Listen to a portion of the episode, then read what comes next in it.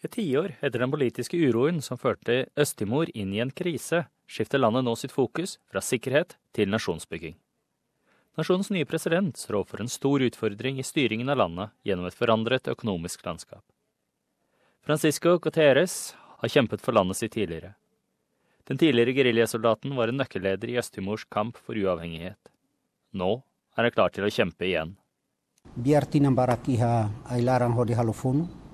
Even though I spent over 24 years in the jungle fighting for my country, uh, I consider that I didn't do much or it wasn't completed. There's a lot more to be done. Den nye presidenten tar ord i et land som har gjort store forandringer i utviklingen siden uavhengigheten i 2002. Men han arver et dilemma. En økonomi som er avhengig av olje og gass, og med reserver som kan gå tomme innen noen få tiår. Guterres sier han planlegger å fortsette en strategi om å investere i infrastruktur, i håp om å tiltrekke seg turisme og utenlandske investeringer. Er.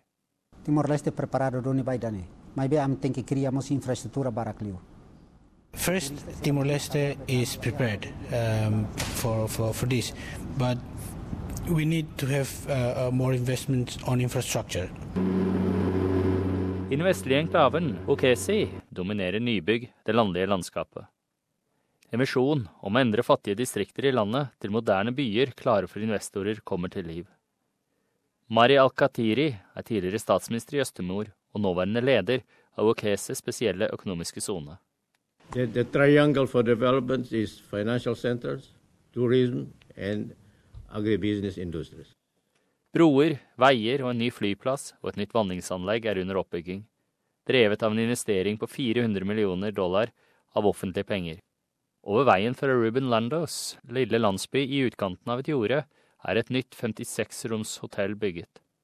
Han sier at han ønsker det velkomment. It's good for Okusi Timorese because they didn't have the work, and now they all have work. Men mange i Okasi over hele landet har fortsatt ikke tilgang til rennende vann eller sanitæranlegg. Charlie Shiner, en forsker ved det dealbaserte analysebyrået Lau Hamutuk, sier at regjeringens infrastrukturprioriteringer er feil. Han foreslår at det bør brukes mer på områder som helsevesen, utdanning og barneernæring. This is a very young country and it has tremendous challenges. And so we think that investing in, in the things that will make people's lives better in the short term, which will also help economic development in the long term. Den nye presidenten sier at alle kostnader til utvikling er nøye vurdert. Ya mercado. Just uh, by way of an example, uh, we don't withdraw money from the petroleum fund um, to uh, uh um, go shopping uh, for uh, vegetables for us to serve. Men det han prioriterer fra nå, vil være kritisk for den unge nasjonens fremtid i en tid med store økonomiske endringer. Denne saken var laget av Rhiannon Elston. Hun reiste tidlig på invitasjon fra regjeringen i Øst-Timor. På SBS norsk, jeg er Frank Mathisen.